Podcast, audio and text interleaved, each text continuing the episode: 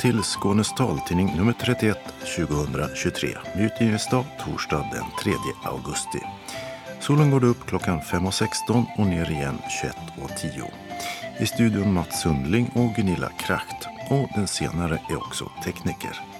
Medan det här är innehållet.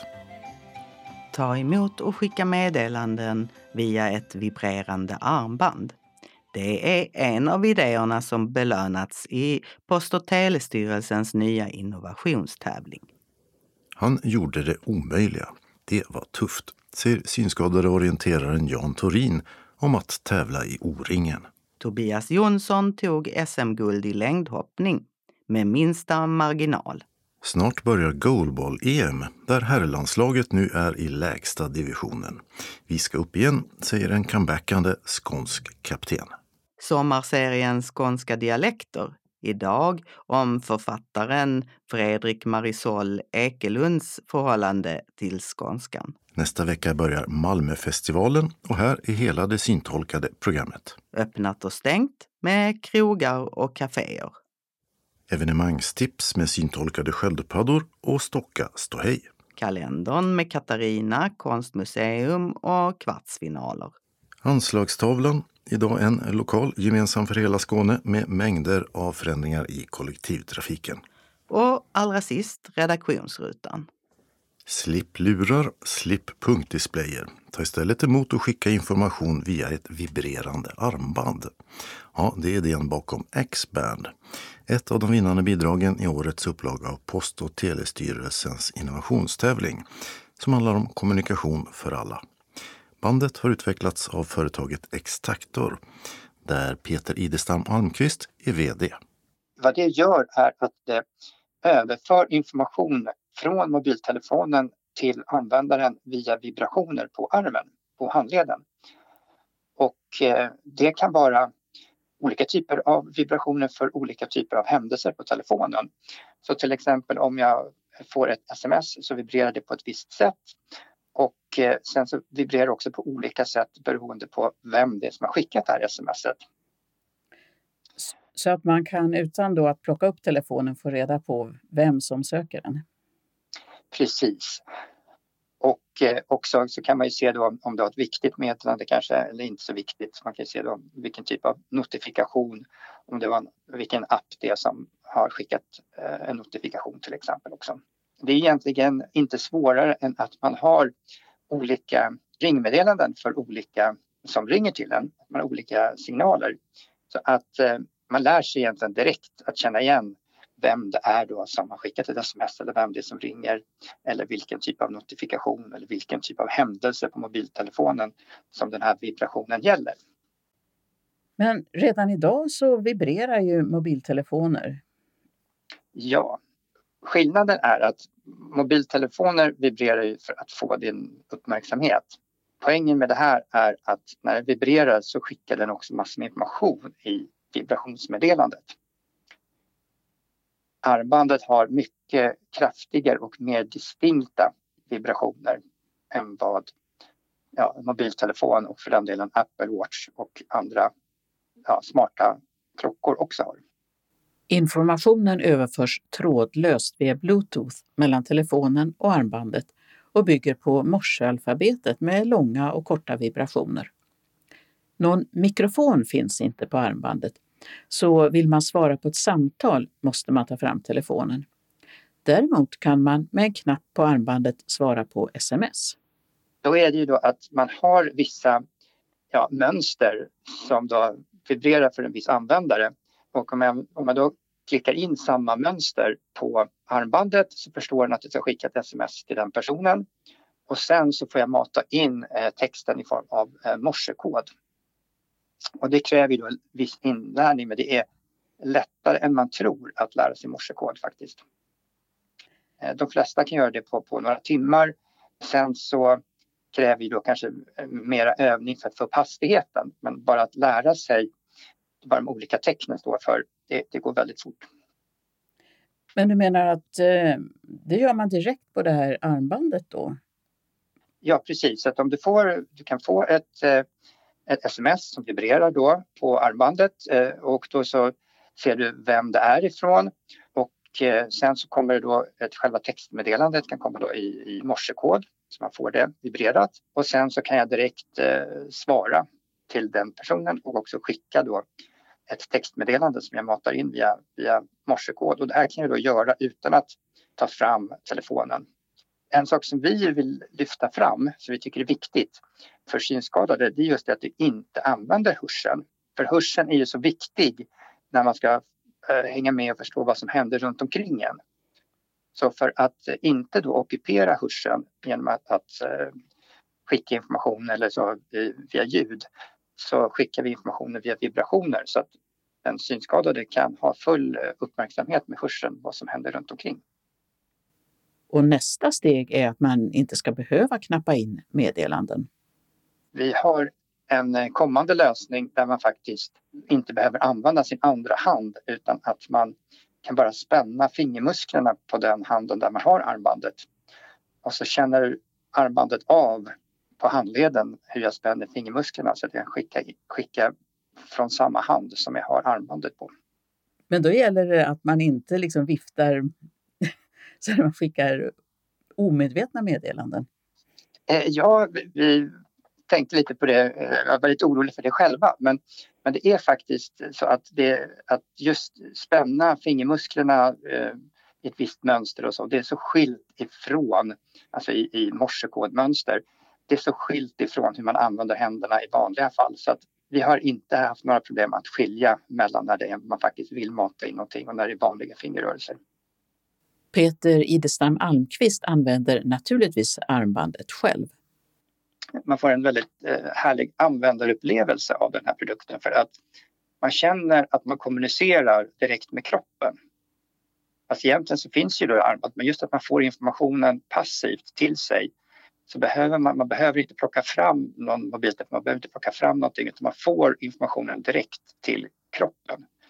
Det är liksom ett helt nytt sätt egentligen att ta emot information som är en ganska häftig användarupplevelse. Att man känner liksom, det är nästan som ett nytt sinne att jag kan lära mig att ta emot textbaserad information via tjänsten. Då. Nu är ju den här tävlingen från PTS, det handlar ju om att Eh, förbättra för personer med olika sorters funktionsnedsättning. Men är det här, tror du, någonting som vem som helst som inte har en synnedsättning eller så kommer att börja använda? Ja, tanken är det. Vår tanke är också att, att, att vi vill göra någonting som är användbart för alla men framför allt användbart för synskadade.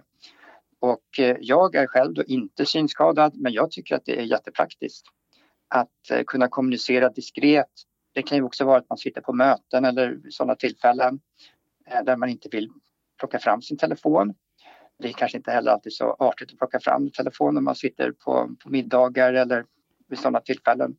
Och då kan man fortfarande kommunicera. Man kan ju vara nåbar hela tiden för akuta meddelanden. Och eh, en sak som vi inte har pratat om också det är att det faktiskt är en klocka också. Man kan liksom få tiden i form av vibrationer. Och hur fungerar det då? Ja, det fungerar både så att jag själv kan, kan så att säga, eh, klicka och då så får jag reda på, på tiden i form i, ja, det är morsekod. Eh, det, man kan också ställa in att jag vill ha tiden regelbundet, till exempel varje kvart. Det tycker jag personligen väldigt mycket om för då är det då, utan att någonsin behöva titta på en klocka så har jag då nästan har jag alltid koll på ungefär vad klockan är. Siktar ni på att det här ska bli ett hjälpmedel också? Ja, alltså det är ju meningen att det, att det ska vara ett hjälpmedel men om det sen kommer att, att klassificeras som hjälpmedel, det är en ganska stor apparat att, att få saker och ting klassificerat som hjälpmedel. Så det är något vi tittar på men det är inte aktuellt just nu. Med tanke på att produkten kommer att vara relativt billig så är det kanske inte lika viktigt att den är klassificerad som ett hjälpmedel. När du säger relativt billig, vad pratar vi om då?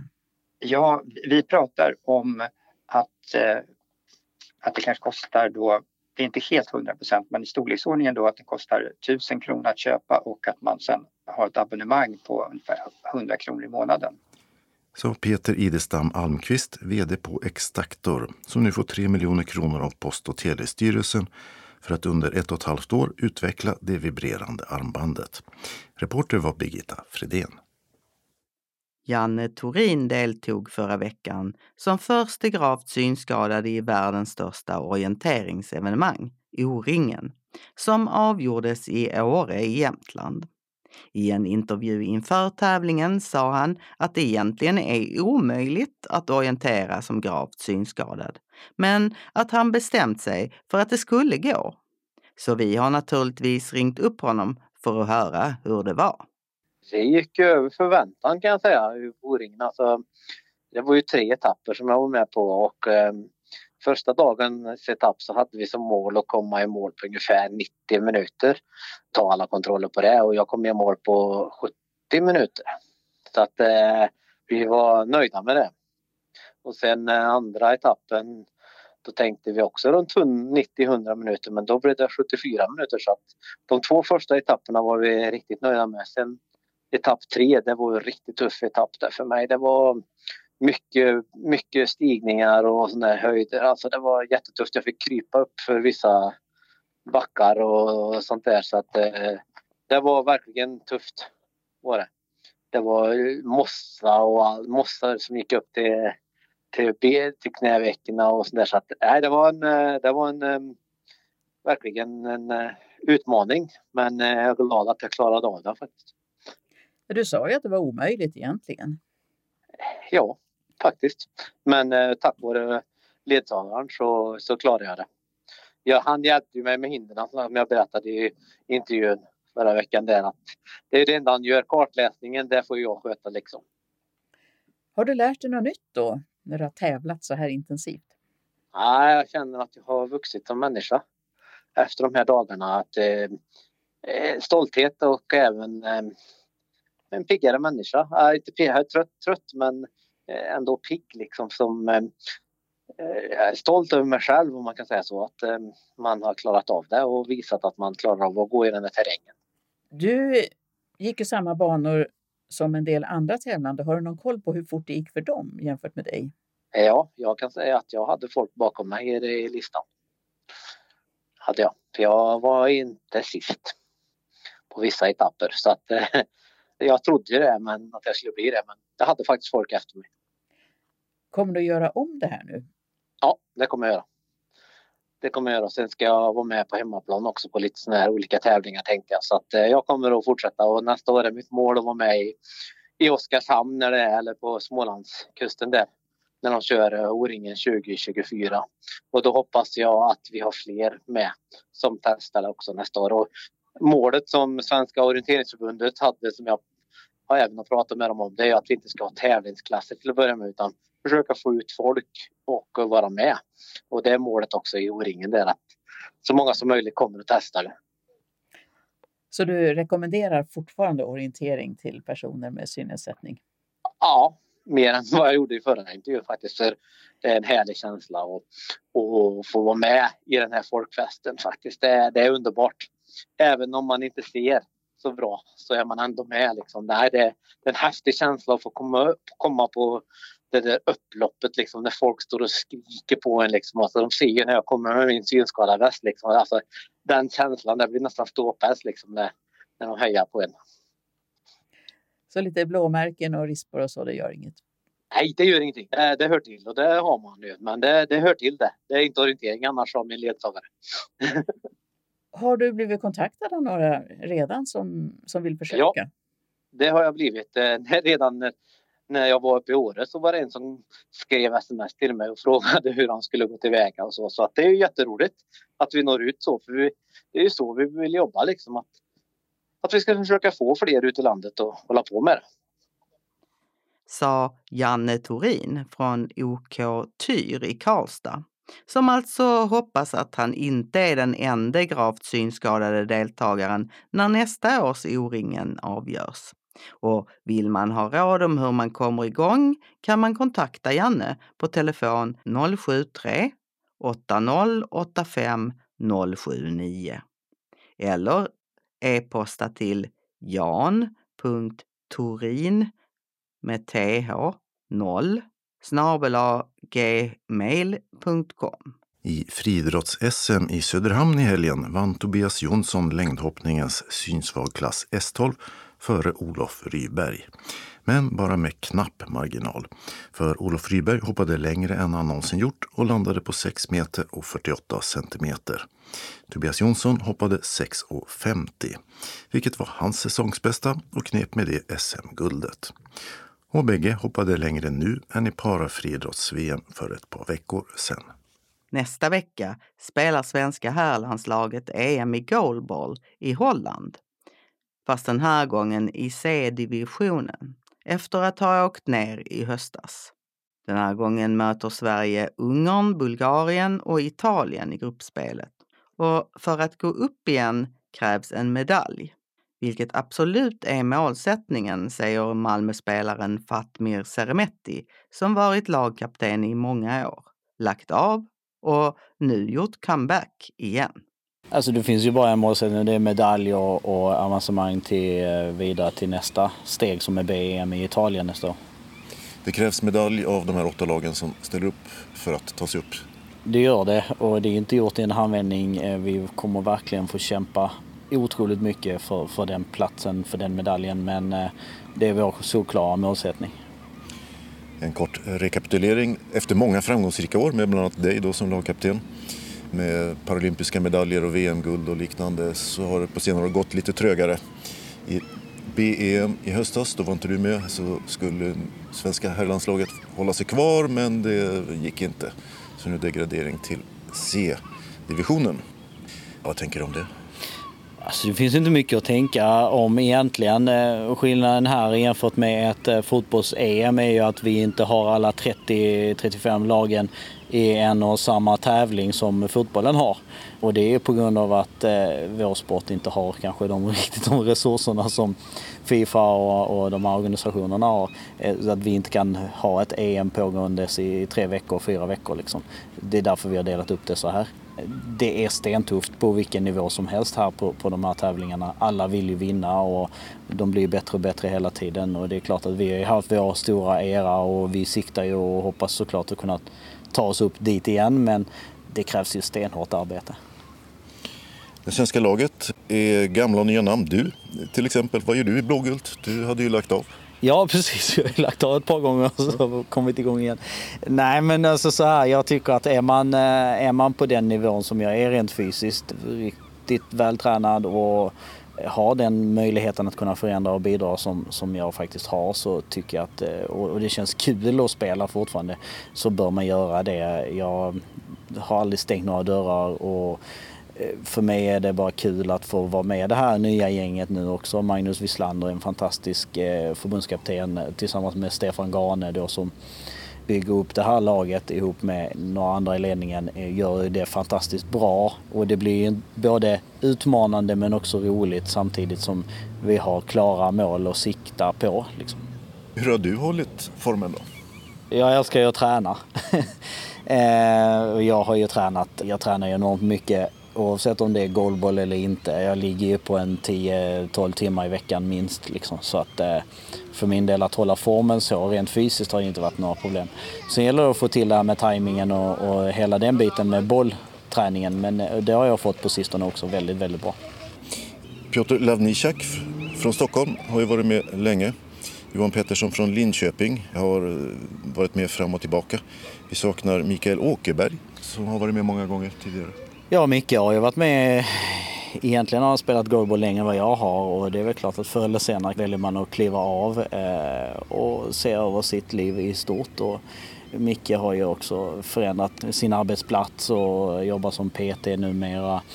Det är mycket som har hänt i hans liv så att det är klart att eh, det är förståeligt att han vill kliva av eh, och se vad som händer sen. Jag hoppas ju såklart att han att han kanske känner framöver att han ja, men kanske, kanske ska sikta till Italien, eh, BM nästa år. Han är ju fortfarande väldigt bra. Han var med och sparrade med oss här nu i helgen som gick på träningsläger i Göteborg och han håller en god form. I Göteborg, ja. Olof Ryberg som ju hoppade längd i para-VM i Paris nyligen. Spelar också goalball. Och en ung Felix Rosvall från Göteborg som var med i ungdomslandslaget. Och ett nytt namn, för mig i alla fall, Alexander Smedberg från IFAS i Stockholm. Vem är det? en fantastiskt duktig talang eh, som bara är 16 år och som kommer att bli Sveriges nya stora namn internationellt, helt säkert.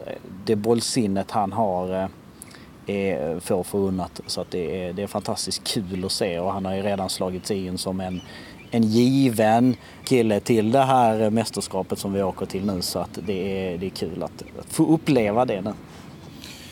Torsdag 10 augusti så blir det premiär för er i Rotterdam då. Då möter ni Ungern och sen Bulgarien. Ja, hur går det?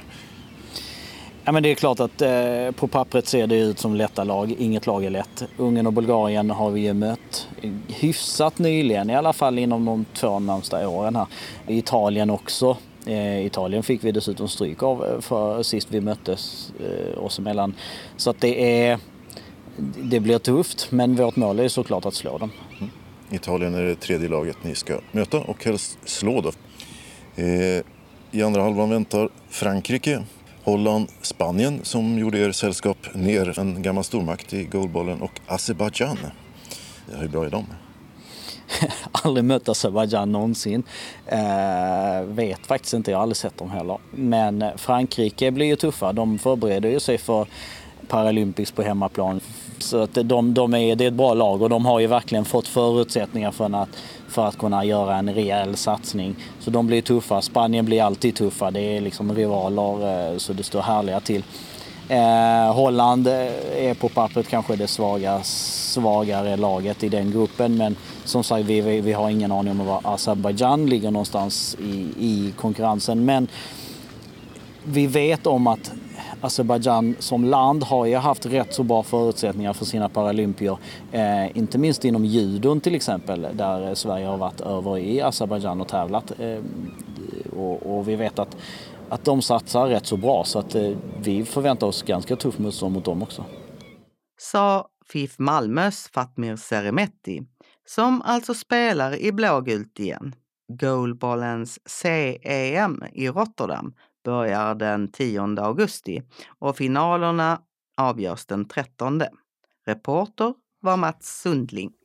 I vår sommarserie om skånska dialekter får vi idag träffa författaren Fredrik Marisol Ekelund som, trots att han inte från början är skåning, ofta skriver på skånsk dialekt. Hur var hans första möte med skånskan när han kom hit från Uppsala som tioåring?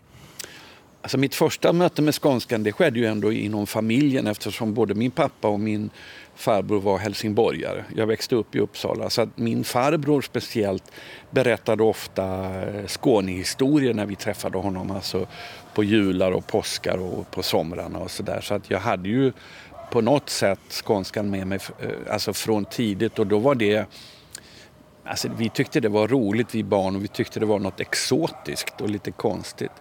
Men sen blev det ju naturligtvis annorlunda när vi flyttade från Uppsala till Sundsvall och sen våren 1963 till Malmö för då blev ju mötet med skånskan eh, det drabbade ju mitt liv ganska direkt. Jag kom i en klass på Djupadalsskolan, eh, tredje klass på våren dessutom. Då, då är ju folk liksom inte vana vid, eller var inte på den tiden, att få nya klasskamrater. Så det var ganska omtumlande för jag var den enda som talade rikssvenska i den klassen. Alla andra talade skånska. Så det var ju inte så att jag blev mobbad men jag kände att jag var eh, utanför och i en egen språklig värld och klassens retsticka började härma mig så fort jag pratade så att jag, jag var extremt blyg på den tiden och det gjorde inte saken bättre kan jag säga. Sen kunde jag hävda mig ändå för jag var väldigt bra i fotboll så att jag vann respekt ändå ganska snabbt. Va? Så att jag blev liksom fotbollskungen och sådär. Men ibland har jag tänkt tanken, tänk om jag inte hade haft fotbollen. Hur fan hade det slutat? Det är viktigt att prata som alla andra alltså. Ja, men det tror jag i alla kulturer, att man, man vill flytta in, man vill vara en del av gemenskapen och när man känner att man är utanför så blir man ju, det är ju ingen människa i grund och botten, tror jag, som, som vill stå utanför flocken och, och vara helt ensam. Men eh, var det så att du inte kunde göra, för, eh, göra dig förstådd ibland? Alltså var det nya ord och sånt som... Ja, jag tror ju att alla förstod. Men vissa ville ju höra mig upprepa det jag precis hade sagt. Så därför sa de va? Eh, alltså lite som för att retas. Men du har, ändå, eh, du har ändå inte lagt dig till med skånska? Du talar ändå någon sorts uppsvenska efter Ab alla dessa Jo, år? men absolut. Men jag tror också att det beror lite på familjesituationen och åldern. Jag var ändå nio år och båda mina föräldrar talade uppländska så att min dialekt hade på något sätt, den fanns klar. Eh, Min syster som är fem år äldre, hon började ju svaja i dialekten och började prata lite så här med uppländska R och, och skånska diftonger. Så att det, det var nog bara att, att jag var, hade hunnit liksom gjuta fast min egen dialekt. Men hur, hur kan det vara att du har, du har ju verkligen intresserat dig för dialekten och skånska. Du använder det i ditt eh, författarskap. Eh, Jag, jag tror att det går tillbaks delvis på den tiden att jag tyckte att skånskan var så speciell, att det var ett, eh, som ett eget språk och när jag själv började skriva så var, gjorde jag ju det inte utifrån någon slags idémässig bas utan jag gjorde ju det utifrån en realistisk intention, det vill säga att försöka skildra hamnarbetarna i Malmö hamn och hur de var. Och eftersom jag är en dialogförfattare, använder mycket dialog, så kände jag att här måste jag ju vara, måste ju skriva som de pratar. Det här är ju ett eget, det här är ju ett eget språk. malmitskan är ett eget språk. Så att det, blev, det blev helt naturligt för mig. Men sen när jag hade debuterat med min första bok Stuv Malmö kom om de här hamnarbetarna så blev jag ju väldigt, väldigt varse, eller jag kanske hade varit det sen tidigare, att jag var väldigt ensam om att skriva på skånska. Eh, många svenska författare hade ju skrivit, alltså många väldigt bra svenska författare. Jag tänker på Göran Tunström och Gustaf Fröding från Värmland eller Sara Lidman, P.O. Enquist, Torgny Lindgren från Västerbotten. De hade ju verkligen till fullo utnyttjat dialekten men när jag debuterade så fick jag en känsla av att mm, det här var nytt och det här kanske inte alla gillade. Det är precis som att skånskan var inte riktigt accepterad som en litterär dialekt. Till skillnad från värmländskan och västerbottniskan då så eh, skånskan eh, betraktas lite som lägre stående menar du? Absolut, något som katten hade släpat in. Så fick, eh, jag, jag, jag fick den känslan. Men det är samtidigt jag- också en, på något vis en dialekt som man förknipp, knippar med roligt, liksom, att det är lite kul. Ja, det är ju många svensk, uppsvenska. Precis, det finns ju den. Det där kan man prata mycket om tror jag, för det är ju också ett sätt från centralmakten att på något sätt hålla skåningarna, om inte förtryckta, så alltså ändå lite nere. De ska alltid känna att de är, mm, de kanske inte är riktiga svenskar och så vidare.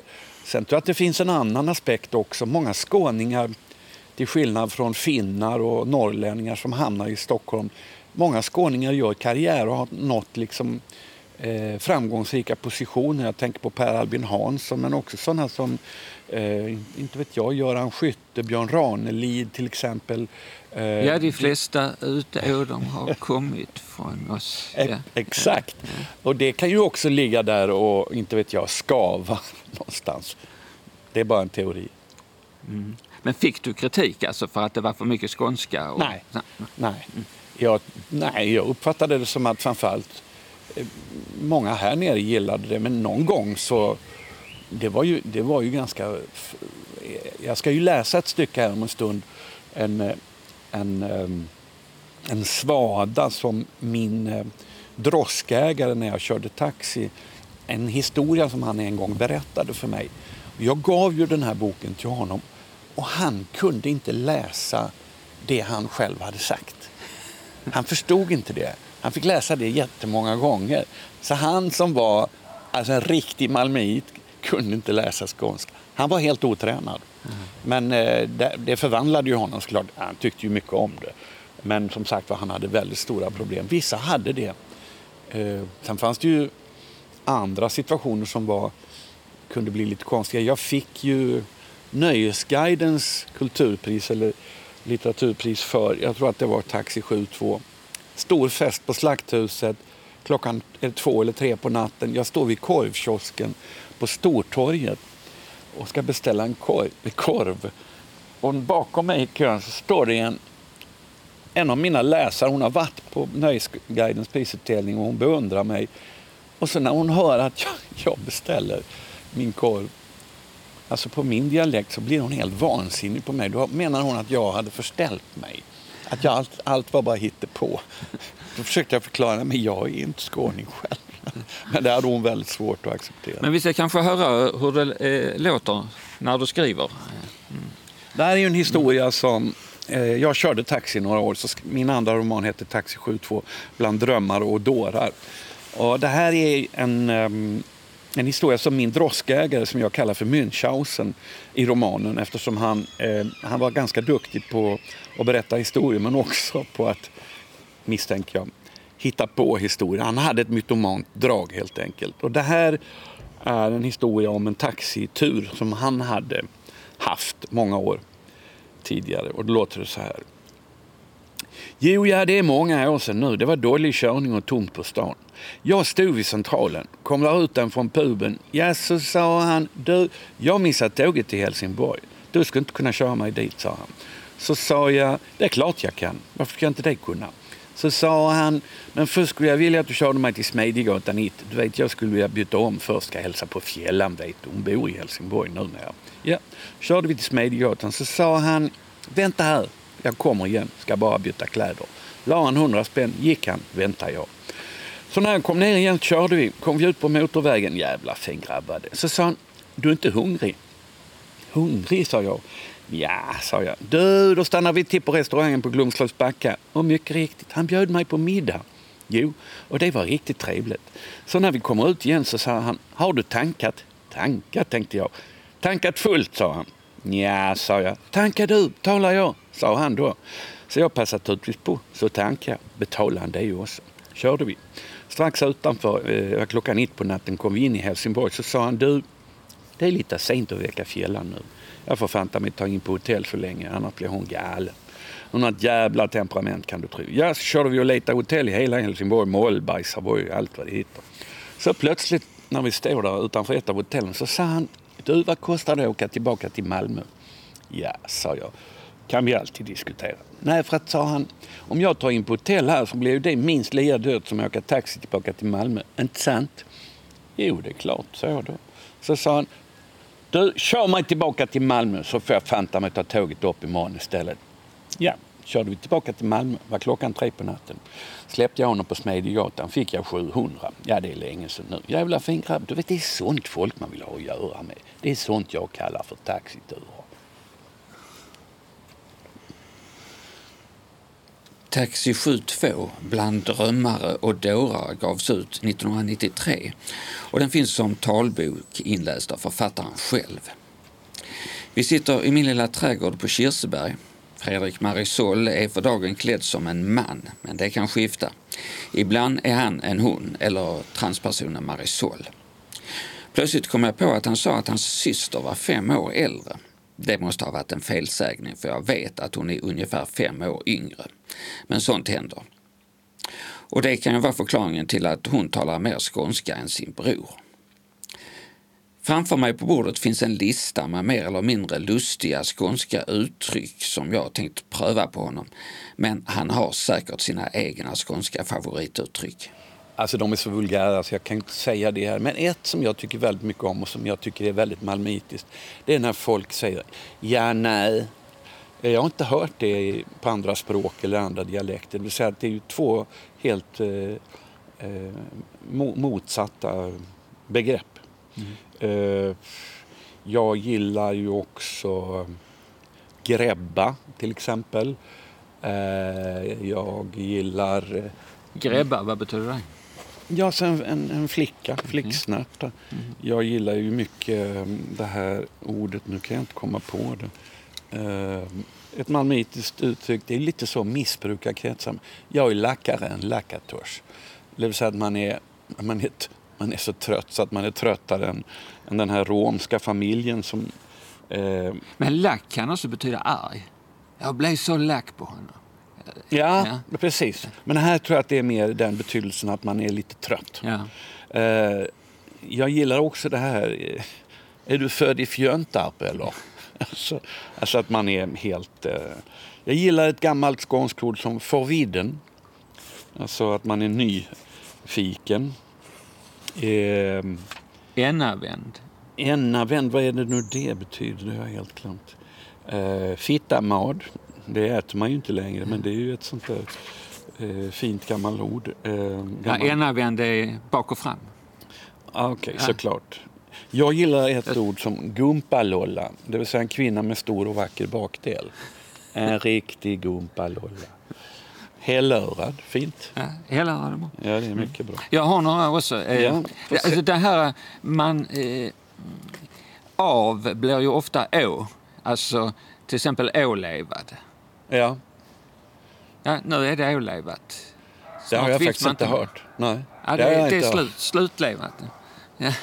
Och Ja. jag, eh, jag kollade på nätet när jag skulle träffa dig och då fanns det faktiskt ålurad. Och då, tänk, då tänkte ju jag att det var man, alltså att man, har blir blivit lurad, ja. ja. Och då är det inte det. Nej, det är död. Alltså man lägger luren på något vis. eh, Aha. Tolkar jag det så. Man, Alltså att man har är lagt, död. Man, Man- har lagt luren Ja, ja. liksom. Ålurad, Man ja. är- ja, Han är ålurad. Mm. Aldrig hört. Filsingar. Förlåt? Filsingar. Är inte det kalsonger? Jo. Ja. ja. Nej, men det finns ju väldigt... Och de- här lexikonen, ordlistorna som görs av olika personer. ehm, Kalle Lind har gjort ett, Åke Olmark. ehm, ibland tänker jag, hmm, är det verkligen... Alltså ibland är det ju kanske någon som har sagt något en gång på Österlen och så har det hoppat in i... Alltså, det behöver inte vara jätteutbrett menar jag. Ja. Ett uttryck eller ett ord. Nej, alltså det, det är lite effektsökeri. Jag hittade det här vannabragare. Har du hört det? Nej, men jag kan ju lätt föreställa mig vad det betyder. Ja. Alltså att man, man fiser fast eh, liksom ganska Löst. högt. Alltså löst, ja. Ja, vanna. Ja. Ja. Ja. Mm. Vrövla. Brövla, Vrövla. vrövla. Ja. Ja, men det är väl, eh, det är ju danskans... Här sitter du och vrövlar. Ja, men det är ju dansk, kommer från danskan, brövl. Alltså snacka skit. helt. Snacka strunt. Ja, Ja. precis. Det är... Så många av orden är ju danska i grunden. Va? Ja. Eh, och skånskan är ju en östdansk dialekt enligt vissa. Eller så är danskan en öst, eh, västskånsk dialekt. Knudor. Är det, kommer det från danskan också? Det vet jag inte. Eh, I, I Skåne säger man också pä- päror. Päror. Alltså på Bjärehalvön där jag har varit mycket på somrarna, där har man ju egna ord. Plocka päror. Ja, precis. Och kartofflor har man ju också Ja, hört. ja. Knudor, ja men det hör man sällan tycker jag. Mm. Men det är kanske mer malmöitiskt. Mm. På Bjärehalvön säger man man svär. Det var gendorn. Det har jag aldrig hört någon annanstans. Gendorn. Alltså det var som djävulen. Förjävligt. Jaha. Aldrig hört någon annanstans. Nej.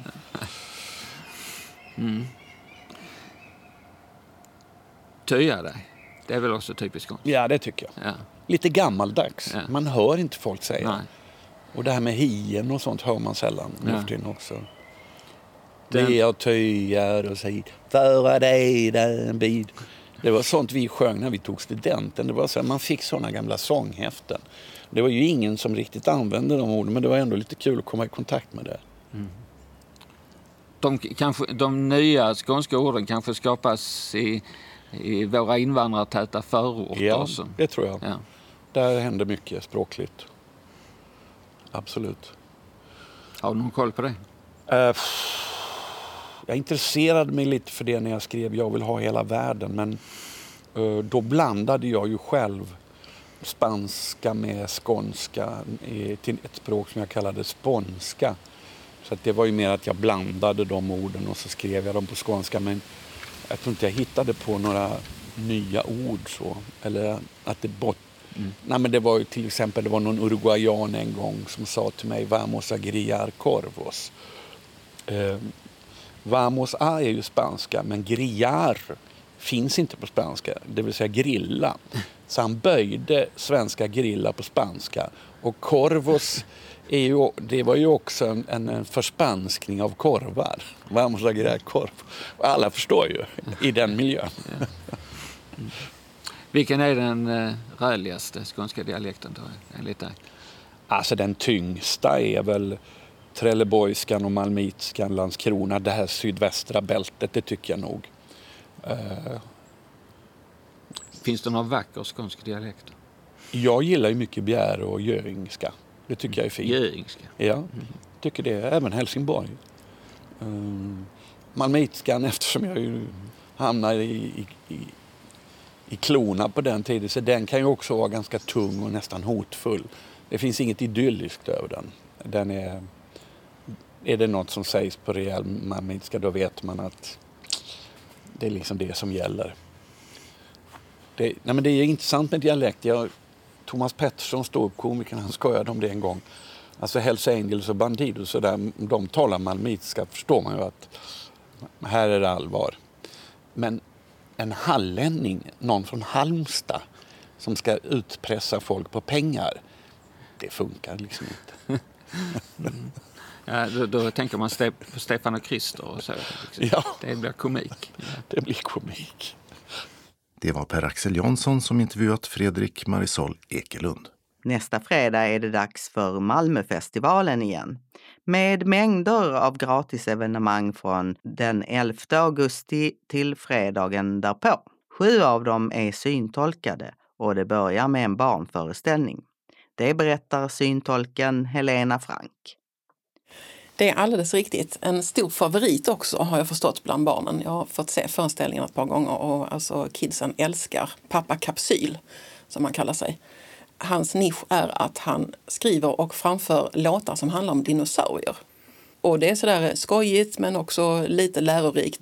Rätt många barn har tydligen en jättestor dinosauriefas. Och då är det här asroligt publiken är med lite och ska liksom göra dinosauriedans och sånt där. Som jag naturligtvis syntolkar i förväg så att man vet hur man ska bete sig. Lördag den 12 augusti klockan 14 i Manegen. Och det är en bit från Stadsbiblioteket i parken där. Ja precis. Det ligger ett stort cirkustält under festivalen i, eh, det heter väl Lördagsplan tror jag, gräsmattan strax efter bibblan. Och dit ska man, om man vill ta färdtjänst, så finns det ett speciellt ställe man ska åka till. Och det är Kung Oscarsväg 11. Det är faktiskt bibblans entré så att man landar på ett välkänt ställe. Populärt bland barnen. Kan det vara något för vuxna också? Absolut, och det vill jag väldigt gärna understryka att det behöver faktiskt inte vara barnet som är synskadat heller utan man kan som synskadad vuxen gå dit med sitt seende barn eller barnbarn eller varför inte grannens barn så att man delar upplevelsen så att säga, oavsett vem i sällskapet som har en synnedsättning. Och man får komma alldeles ensam som synskadad vuxen också. Mm. Och prova dinosauriedansen då kanske? Absolut. Söndag den 13 augusti eh, på gatuscenen. Ja, var ligger den? Den ligger på Gustav Adolfs torg. De har ju skurit ner lite. Malmöfestivalen har väl eh, ekonomiska förutsättningar de också. Så att tidigare har det varit två scener på Gustav. Men nu är det bara en och den kallar de för gatuscenen. Mm.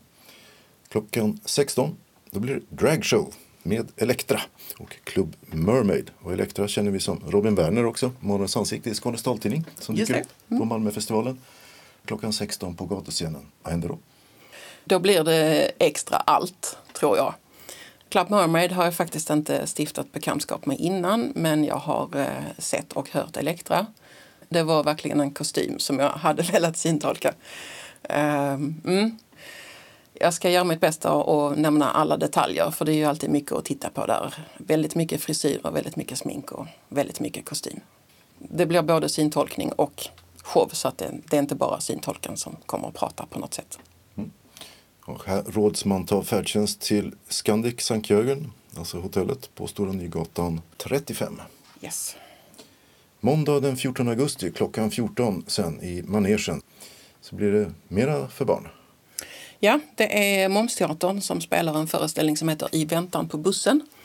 Och det är en liten version av I väntan på Godot som är det för barn. Men det är ju samma sak här att man får gärna komma som synskadad vuxen också med eller utan barn. Jag tror att den är sevärd. Och det som är speciellt med den här visningen är att det är en inspelad syntolkning precis som Teater 23 har kört i några år här i Malmö. Och då går det till så lite kort att syntolkningen styrs av mixerbordet så att eh, teknikern när hen ändå ska liksom dra upp en regel för att ändra ljuset på scenen i ett scenbyte till exempel. Då går syntolkningen igång där direkt. Men för publiken så är det i princip samma sak. Man använder samma typ av utrustning och så som folk är vana vid om man har varit på live-tolkning innan.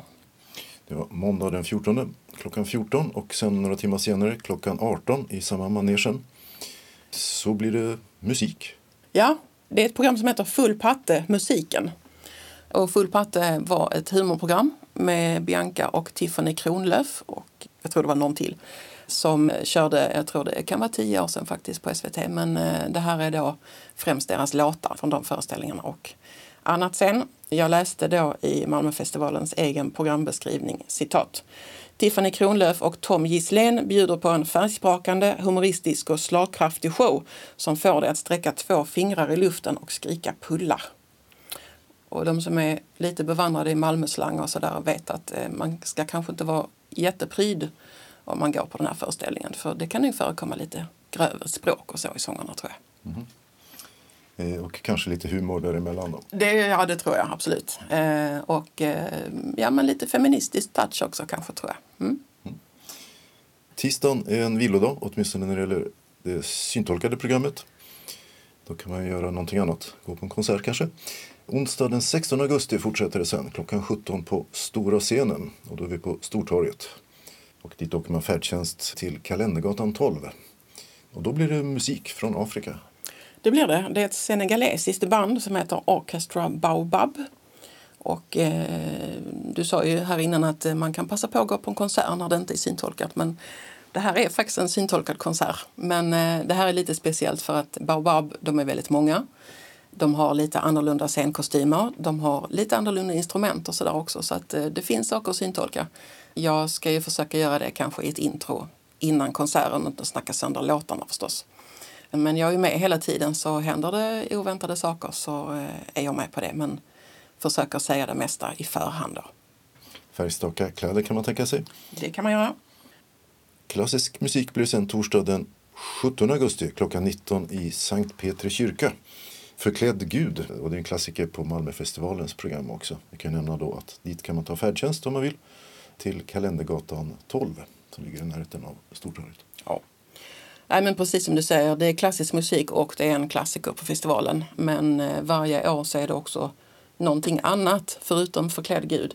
Och i år är det blandade sånger av lite senare datum då, bland annat av Benny Andersson. Och jag ska säga innan jag berättar vem som är recitatör och sånt där i år, för det byter de också varje gång.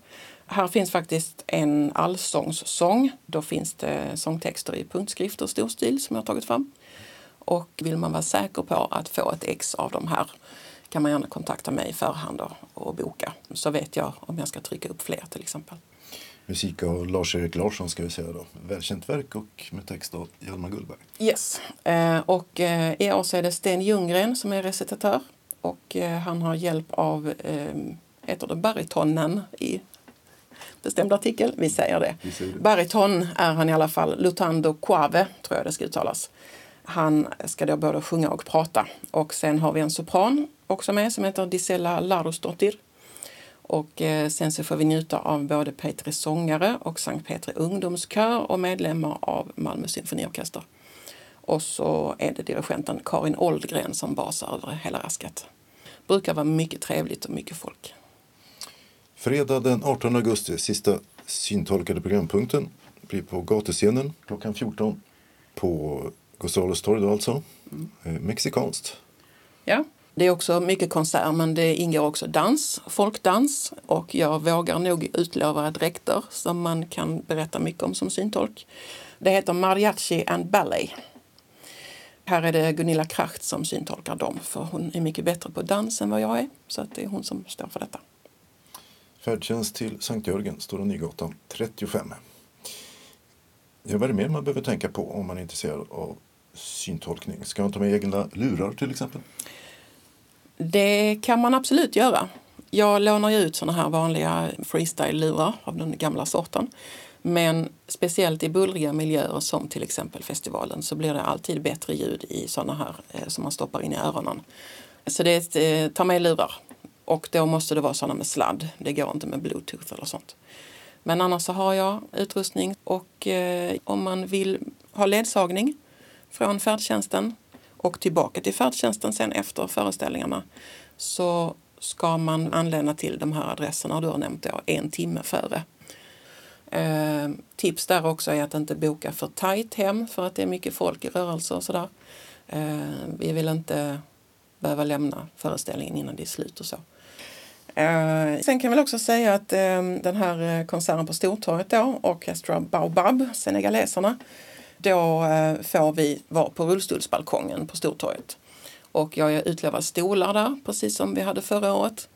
Så att det blir lugnt och skönt om man inte blir kringknuffad. Och det är dessutom så att eh, har man vit käpp så har man alltid tillträde till den här rullstolsbalkongen på Stortorget på alla evenemang på festivalen. Så att eh, kortfattat kan man väl säga att vit käpp ger dig plus en ledsagare tillträde till den där balkongen. Så eh, slipper man trängas med folk. Det kan vara rätt mycket folk på de riktigt stora namnen. Och om man eh, inte åker färdtjänst, var träffas man då? Då eh, tar man sig själv till respektive spelplats. Till exempel Sankt Petri kyrka då, så kan vi mötas utanför. Det som man kanske ska tänka på då är att ändå vara i god tid så att vi kommer in och hittar faktiskt de reserverade platser vi har. Och så att jag kan ha ett litet intro sådär. Så att dyker man upp precis prick så känns det lite sent faktiskt. Så att eh, var i god tid oavsett. Um, just det, eh, reserverade platser i kyrkan har vi och det har vi på Stortorget då också och i manegen. Men faktiskt inte på den här gatuscenen och det förklaras bara av att det inte finns några platser att reservera. Utan det är i princip ståplats. Mm. Alltsammans gratis som vanligt? Jajamän, och eh, ingen föranmälan. Mer än möjligtvis till läsbara texten då. Eh, men det är ändå inte bindande. Men har man frågor eller undringar eller vill säga jag kommer. Och det är trevligt för då, då vet jag att det finns någon som dyker upp och vill lyssna på mig. Allt det här så är man alltid välkommen att ringa mig och fråga eller messa eller så kan man skicka e-post också. Det sa Helena Frank, som syntolkar på Malmöfestivalen med start den 11 augusti. Har man några frågor eller vill föranmäla sig kan man alltså göra det till henne på e-post helena snabela eller telefon 073 931 1899. Reporter var Mats Sundling. Öppnat och stängt. I Kristianstad har hamburgerkedjan McDonalds öppnat sin andra restaurang i stan. Den nya ligger i Vä och sägs vara den största i Sverige. Adressen är Herulernas väg 7, nära E22. I Hässleholm har restaurangen och nattklubben The Crown öppnat igen efter ett sprängdåd i mitten av juni. I Knislinge har Café Hack fått en ny krögare och öppnat igen på Östra Göinge Golfklubb efter att ha haft stängt sedan förra året. Adressen är Riksvägen 12. I Hässleholm har butik Ofelia som säljer damkläder total utförsäljning innan butiken upphör. Adressen är än så länge Första Avenyn 2. I Malmö har skånska kläd och heminredningskedjan Mienai utförsäljning efter en konkurs som stänger alla deras butiker. Den här har adressen Baltzarsgatan 18.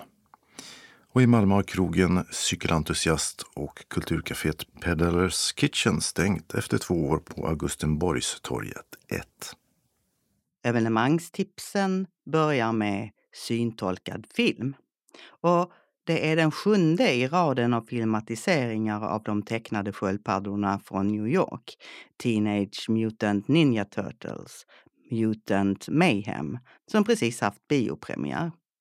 Det är en familjefilm om sköldpaddsbröderna som ger sig ut från sitt skyddade liv i kloakerna för att bli accepterade som vanliga tonåringar och råkar hamna i en kamp mot ett ökänt brottssyndikat.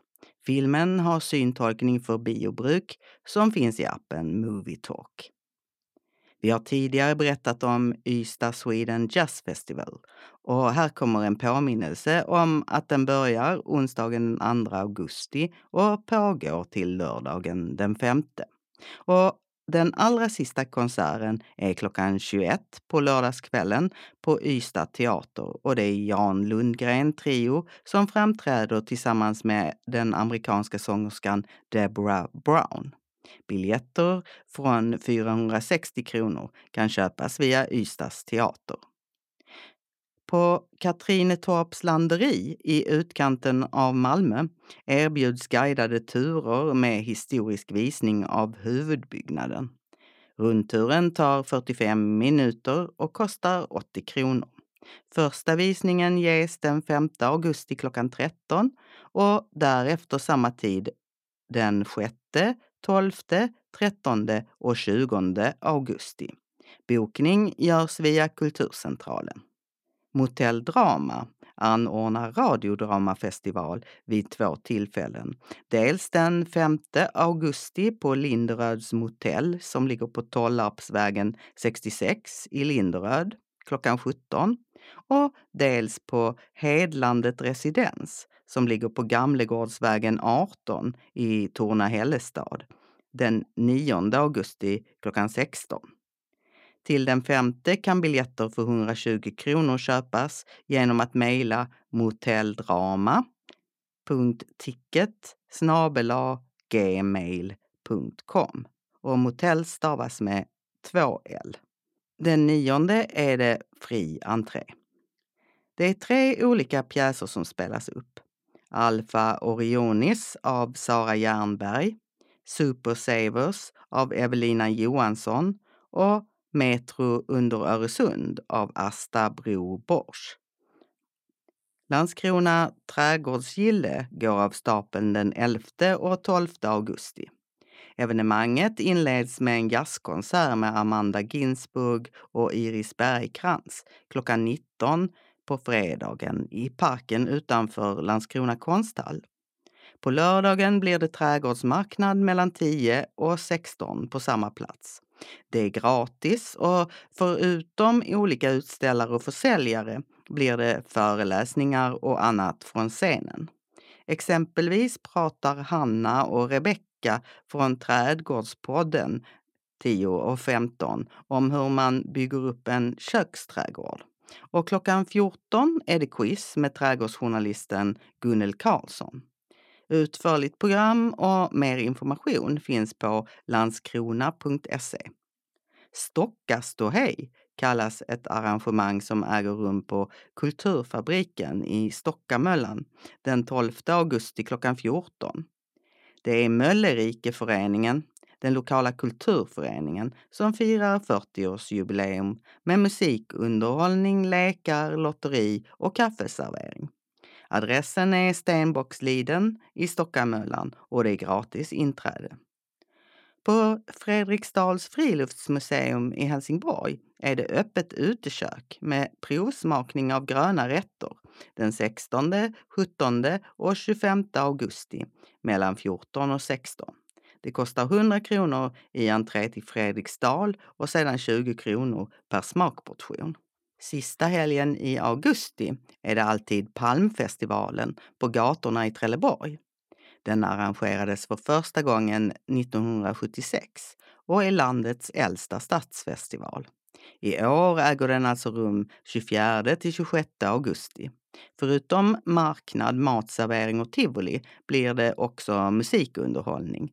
Exempelvis spelar Perikles klockan 21 den 25 och den konserten kostar 295 kronor. Tickstör säljer biljetter till alla uppträdanden och mer information och utförligt program finns på palmfestivalen.se. Och för den som är sugen på att fynda arrangerar Össjö IF en loppis på Ekebo, Axtorpsvägen 71 i Munka Ljungby, från klockan 13 den 26 augusti. I Lomma blir det Lions loppmarknad i Dansrotundan på Strandvägen 120 mellan 12 och 16 den 26 och 27 augusti. Och längre norrut arrangerar Vittsjö GIK sin årliga loppis på idrottsplatsen mellan 13 och 16 den 26 augusti. Vid bygdegården Östra Flyboda i Lönsboda i Osby kommun blir det veteranfordonsträff den 27 augusti från klockan 13. Det blir uppvisning av bland annat mopeder, motorcyklar och bilar av äldre modeller. Och det kommer att serveras våfflor och kaffe. Inträdet är gratis och den som vill ha mer information kan ringa 0761 15 02 34. I Kristianstad sparkar högskolan igång höstterminen den 30 augusti genom att bjuda på en konsert med elektronikamusikduon Rebecca och Fiona på Lilla Torg klockan 18.30. Det är gratis och öppet för alla. Biljettinformation. Ystads teater 0411 577 199. Kulturcentralen 040 10 30 20. Tixter 0771 47 70 70. Kalendern. Vecka 32 år 2023 börjar med måndagen den 7 augusti då Denise och Dennis har namnsdag och Elfenbenskusten firar nationaldag. Tisdagen den 8 augusti har drottning Silvia namnsdag och därför är det flaggdag i Sverige. Alla som heter Sylvia kan också gratuleras denna dag. Det är 60 år sedan det som gått till historien som The Great Train Robbery, det stora tågrånet, inträffade i Buckinghamshire i England då ett gäng yrkeskriminella britter rånade ett posttåg på väg från Glasgow till London och kom över flera miljoner pund i dagens penningvärde. Samtliga inblandade har så småningom kunnat gripas.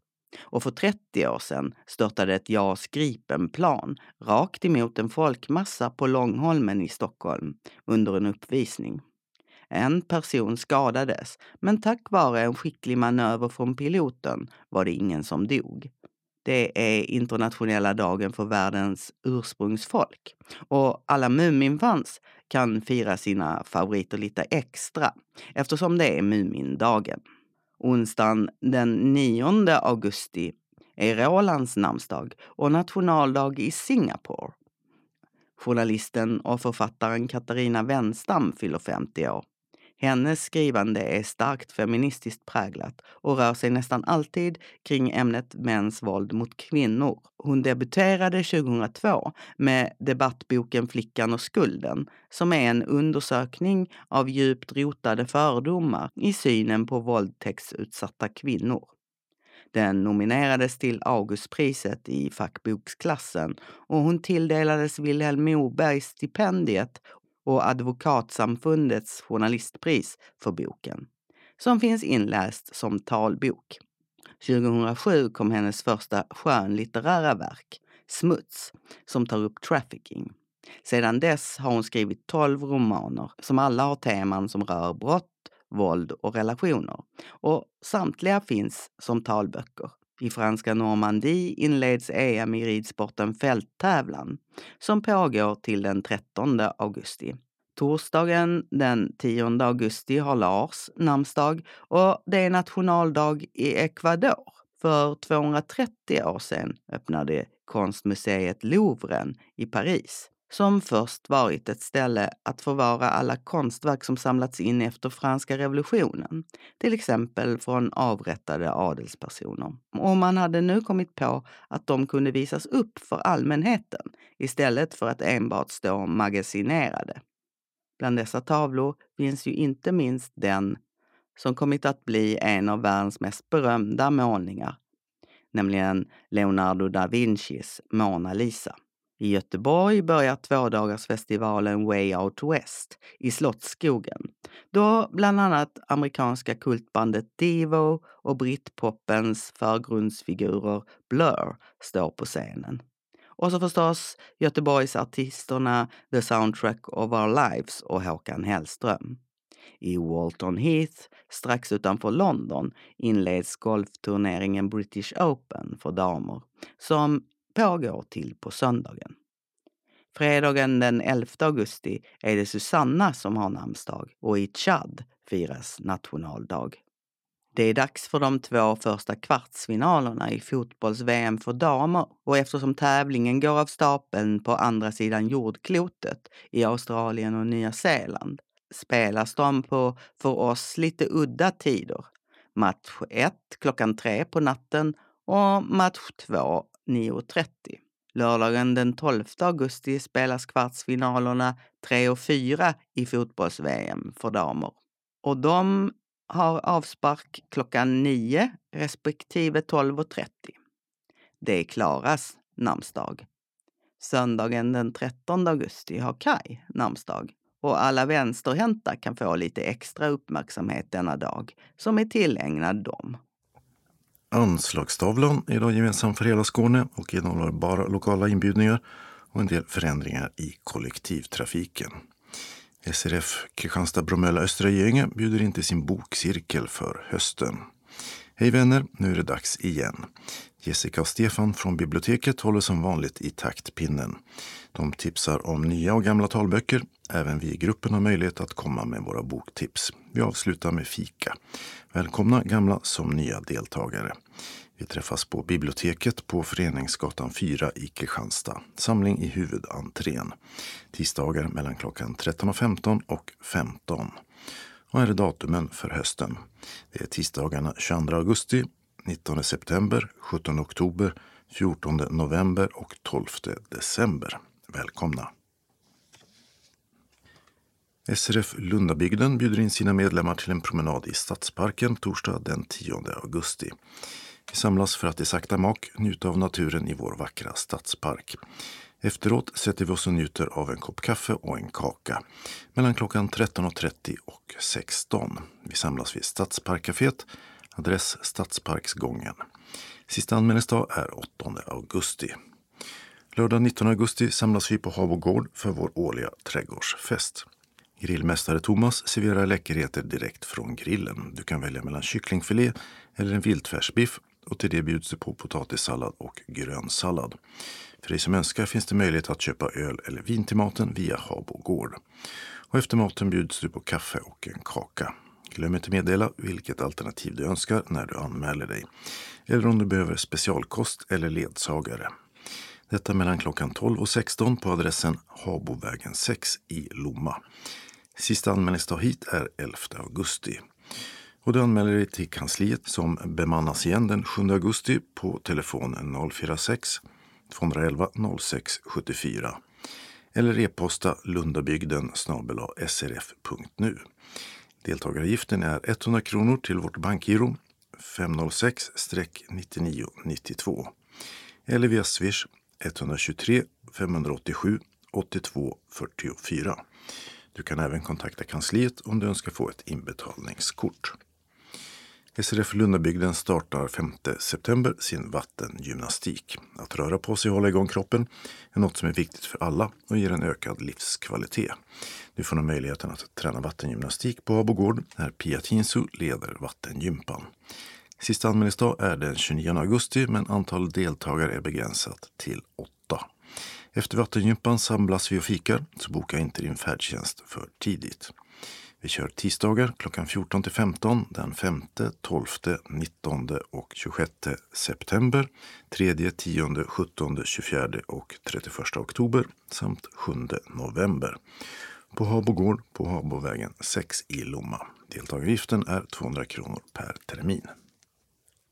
SRF Malmö Svedala hälsar efter sommarens uppehåll välkomna till sin dagverksamhet. Tisdag 8 augusti klockan 13 till 15.15 15 blir det bingo och fika. Vi serverar kaffe och smörgås eller kaka till en kostnad av 10 kronor. Om man anmäler sig till kansliet, telefon 040-25 05 40 om man tänker komma. Senast klockan 10 samma dag.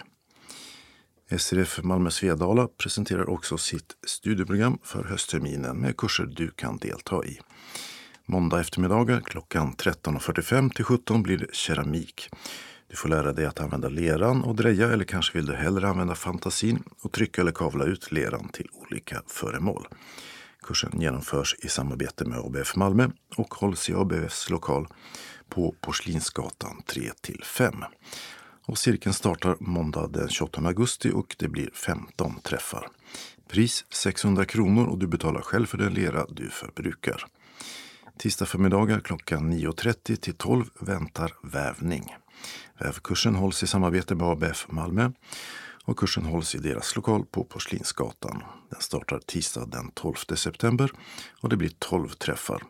Pris 360 kronor och materialkostnader tillkommer. Torsdag förmiddagar mellan klockan 9.30 till 12 är rubriken också Aktuellt i litteraturen.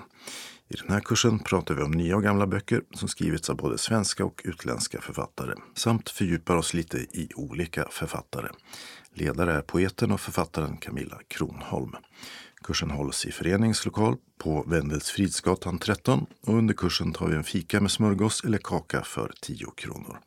Cirkeln genomförs i samarbete med ABF och det blir 10 träffar med start torsdag den 14 september. Pris 300 kronor. Torsdag eftermiddagar 12.45 till 13.45 blir det medi-yoga. Programmen består bland annat av medveten andningsträning, mjuka fysiska övningar, avslappning och meditation med ledare Ira Gyllingberg. Kursen hålls i föreningens lokal och i samarbete med ABF. Start torsdag den 7 september och det blir 15 träffar. Pris 450 kronor. Är du intresserad av en eller flera kurser så anmäl dig till kansliet 040 25 05 40 eller mejla till info srfmalmo.se. Sista dagen att anmäla sig är fredag den 18 augusti. Meddela då om du vill ha inbetalningskort på kursavgiften. Före kursstarten skickas bekräftelse ut. Varmt välkommen till en givande och trevlig kursgemenskap hälsar styrelsen. SRF Malmö Svedala bjuder också in till en hyllning till Edith Södergran på Palladium. Det blir en känsloladdad kväll med musik och poesi där två av Sveriges främsta uttolkare av Södergrans konst, skådespelerskan Stina Ekblad och sångerskan Anna Kruse står på scen.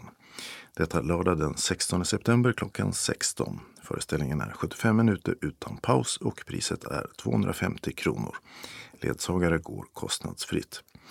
Anmäl dig till kansliet tidigast från måndag den 17 augusti och senast den 10 augusti. Berätta vid anmälan om du behöver ledsagning och inbetalningsavi. Och du betalar in på föreningens bankgiro 192-9645 eller swisha 123 077 80 50. Senast måndag den 11 september. Glöm inte att skriva Palladium och namnet på deltagaren vid betalningen. Boka din resa till Södergatan 15 i Malmö för att vara framme klockan 15 då vi samlas. Hemresan beställer du till klockan 18. Någon av oss stannar kvar tills alla fått sina färdtjänstbilar.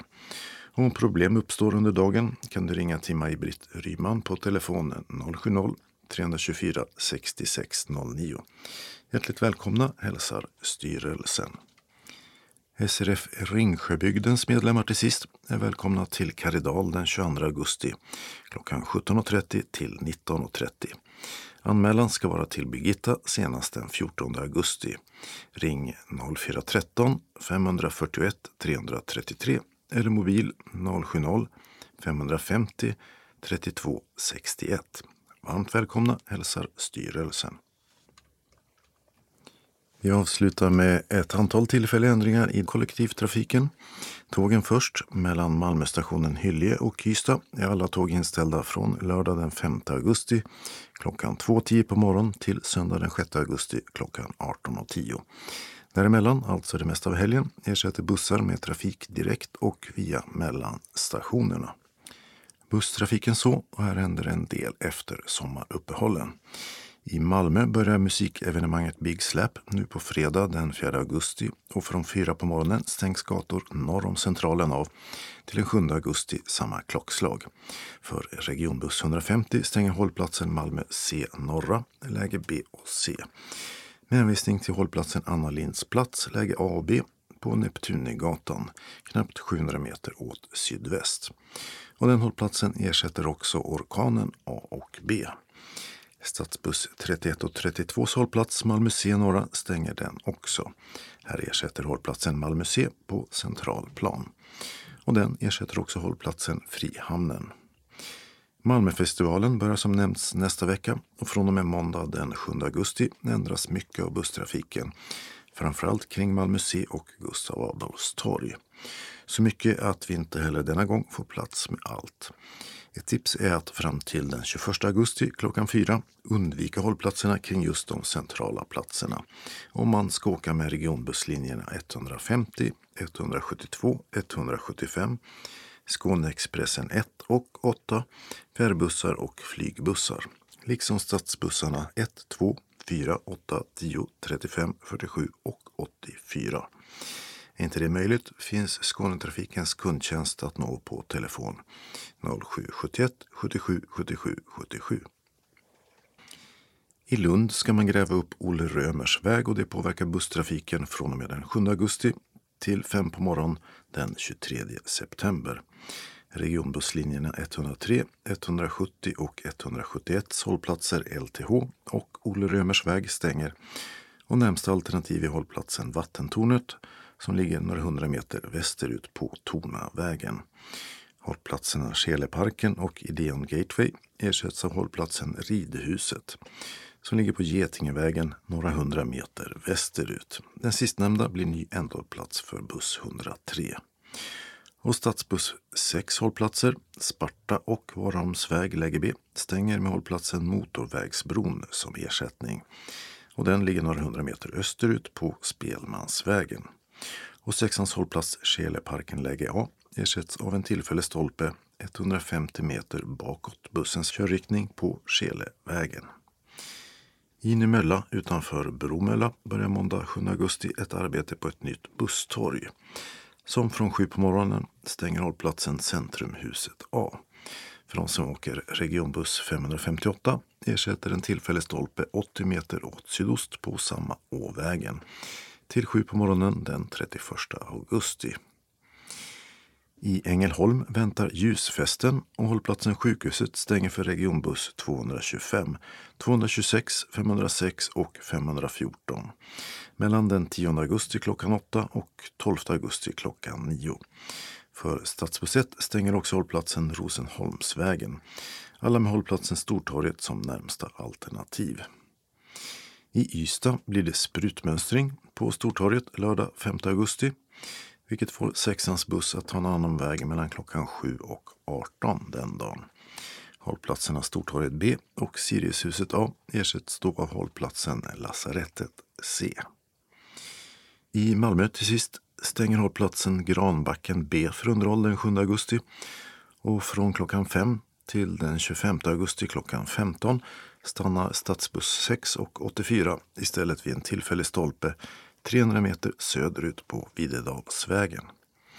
Måndag 7 augusti stänger stadsbuss 3 hållplats Stadion för ombyggnad fram till den 1 september klockan 15. Resande med linje 3 medurs hänvisas till hållplatserna Lorensborg läge C som ligger cirka 400 meter västerut och Anneberg läge B cirka 400 meter österut. Och de som åker moturs hänvisas till Lorensborg D som ligger 300 meter västerut och Anneberg A cirka 500 meter österut. I Malmö stängs Klågerupsvägen av för stadsbuss 35 den 10 augusti klockan 9 och hållplatsen Borgnäs ersätts av hållplatsen Tillysborgsvägen som ligger 350 meter österut ända till den 17 augusti klockan 16. Och med det beskedet var det dags att sätta punkt för detta nummer av Skånes taltidning. Ett nytt nummer kommer nästa torsdag den 10 augusti. Skånes taltidning ges ut av Region Skånes psykiatri och habiliteringsförvaltning. Ansvarig utgivare är Martin Holmström. Postadress Jörgen Ankersgatan 12, 211 45 Malmö. Telefon 040 673 09 70. E-post Skanes taltidning snabela skane.se och hemsida skanestaltidning.se. Observera att CD-skivorna inte ska skickas tillbaka till oss. Såväl skivor som kuvert kan läggas i brännbara sopor när ni inte längre vill ha dem. Vi hörs igen. Hej då!